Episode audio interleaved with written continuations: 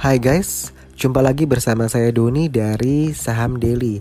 Kali ini kita mau bincang-bincang santai mengenai efeknya kenaikan tiket pesawat ya yang dari bulan Januari 2019 itu udah naik sampai Mei akhir Mei ini orang-orang udah pada mudik pada mau beli tiket pesawat dan harganya tetap naik begitu ya.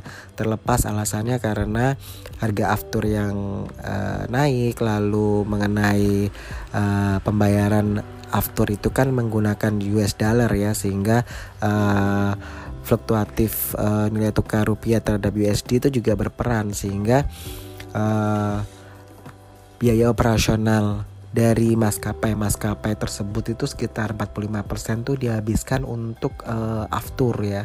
Sehingga mereka mau tidak mau katanya harus meningkatkan harga tiket pesawat walaupun sudah ada intervensi dari Menteri Perhubungan untuk uh, menurunkan tarif batas atas tiket pesawat tapi nyatanya sampai uh, akhir Mei juga harga tiket pesawat tetap mahal begitu ya.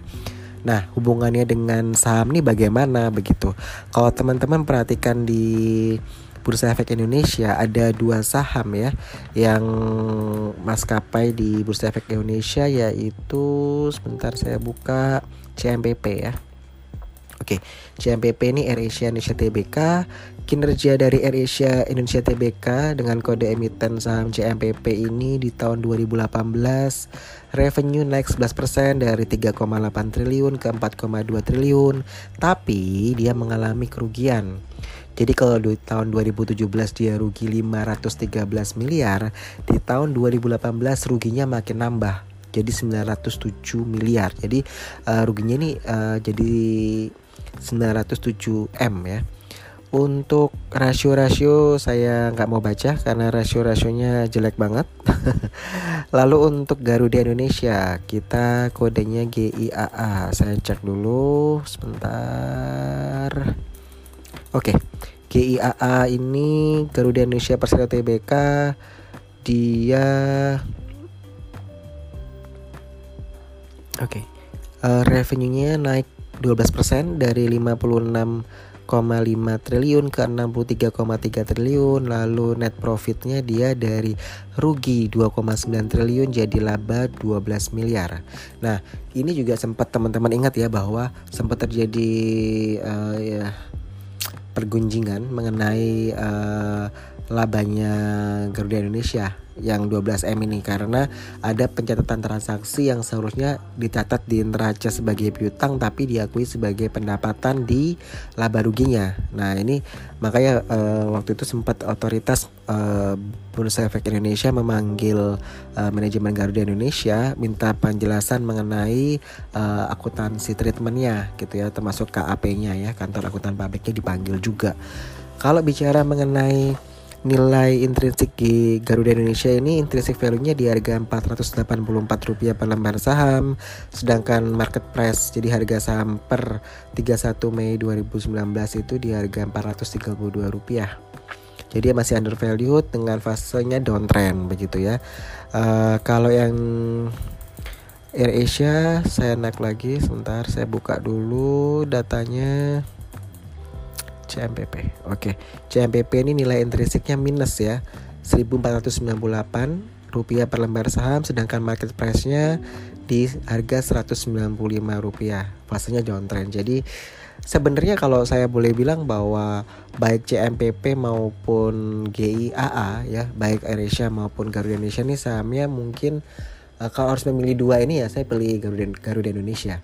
Tapi kalau di luar dua ini misalkan kita nggak bicara pesawatnya tapi kita bicara maintenance ya. Nah itu kita ada GMFI ya. GMF ini uh, kalau teman-teman masih ingat di tahun 2018 ada pertemuan IMF di Bali ya International Monetary Fund. Nah itu uh, G GMF ini memperoleh uh, kontrak yang cukup besar dari negara-negara lain ya uh, kerjasama ya jadi untuk maintenance saya rasa ini ke depan bagus untuk GMFI. Jadi Garuda Maintenance Facility Aero Asia Tbk. Nah, intrinsic value dari GMF ini di harga 219 sedangkan market price-nya as per 2 uh, 31 Mei 2019 hari ini di harga 216. Jadi masih slightly undervalued dengan tren harganya masih downtrend. Kalau kinerja 2018 kita bisa bilang revenue-nya naik dari 5,9 triliun ke 6,8 triliun. Lalu net profitnya dari 690 miliar turun ke 442 miliar. Jadi turun 36%, tapi dia masih posisi laba ya, labanya 442 miliar. Dengan PR-nya 13,8, DR-nya di 1,26, ROE-nya di 9%. Makanya kalau saya suruh pilih AirAsia uh, atau Garuda Indonesia, jadi uh, GIAA atau GMFI, saya akan pilih uh, GMFI begitu. Jadi uh, saya pilih alternatif saham itu. Lalu ada satu saham lagi yang bergerak di uh, transportasi juga. Uh, sebentar. Heli, ya, seingat saya Heli. Ya. Uh, Jaya Trisindo TBK. Heli ini dia memang di uh, transportasi sebentar ya. Saya cek dulu Heli ya aviation ya benar ya penerbangan nah heli ini sendiri dengan nama PT Jaya Trisindo TBK ini kinerja di tahun 2018 itu revenue-nya naik 82% dari 153 miliar ke 279 miliar. Net profitnya naik dari 9 miliar ke 15 miliar atau naik 61%. Pernya dia di uh, 10.8 lalu DR-nya di 1,57, ROE-nya di 14% ya untuk saham Heli ini. Heli ini market cap-nya di 157 miliar ya.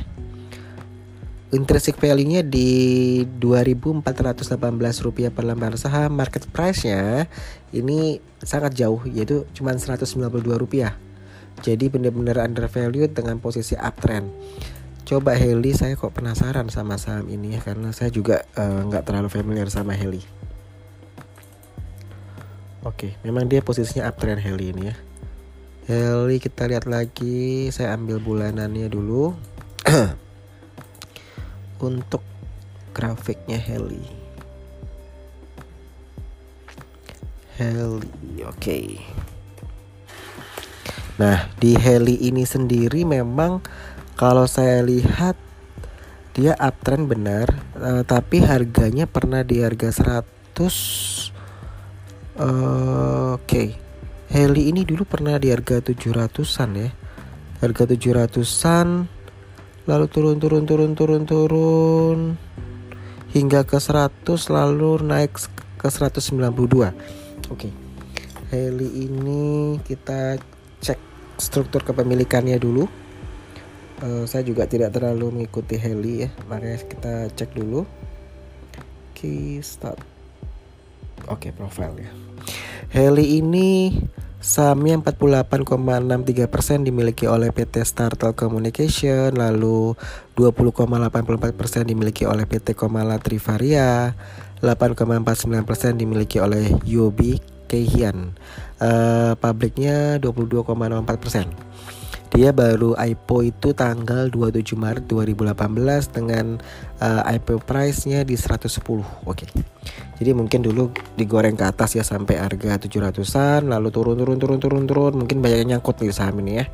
Di saham Heli ini dan baru naik ini di 16 Mei ya. Mulai dia uptrend uptrend uptrend dari harga sebentar 9 eh, Mei itu dari harga 127 naik naik naik naik naik sampai ke 188, 189 dan kemarin ditutup eh hari ini ditutup di harga 192 untuk Heli ya. Jadi untuk teman-teman sih uh, kalau masih saham-saham baru IPO tahun lalu mungkin saya nggak sarankan untuk beli ya. Uh, yang saya sarankan mungkin yang GMFI ya. Jadi dari saham Indonesia, CMPP, saham uh, GMFI uh, saham GIAA yang ke Indonesia dan Heli ini kita pilih yang GMFI. Oke, okay?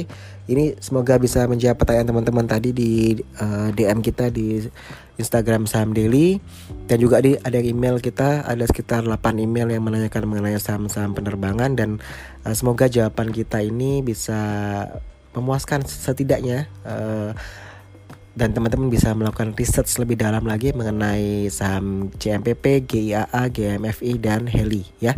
Semoga ini sebagai permulaan dan teman-teman bisa um, lebih dalam lagi melakukan research. Saya Doni dari Saham Daily out.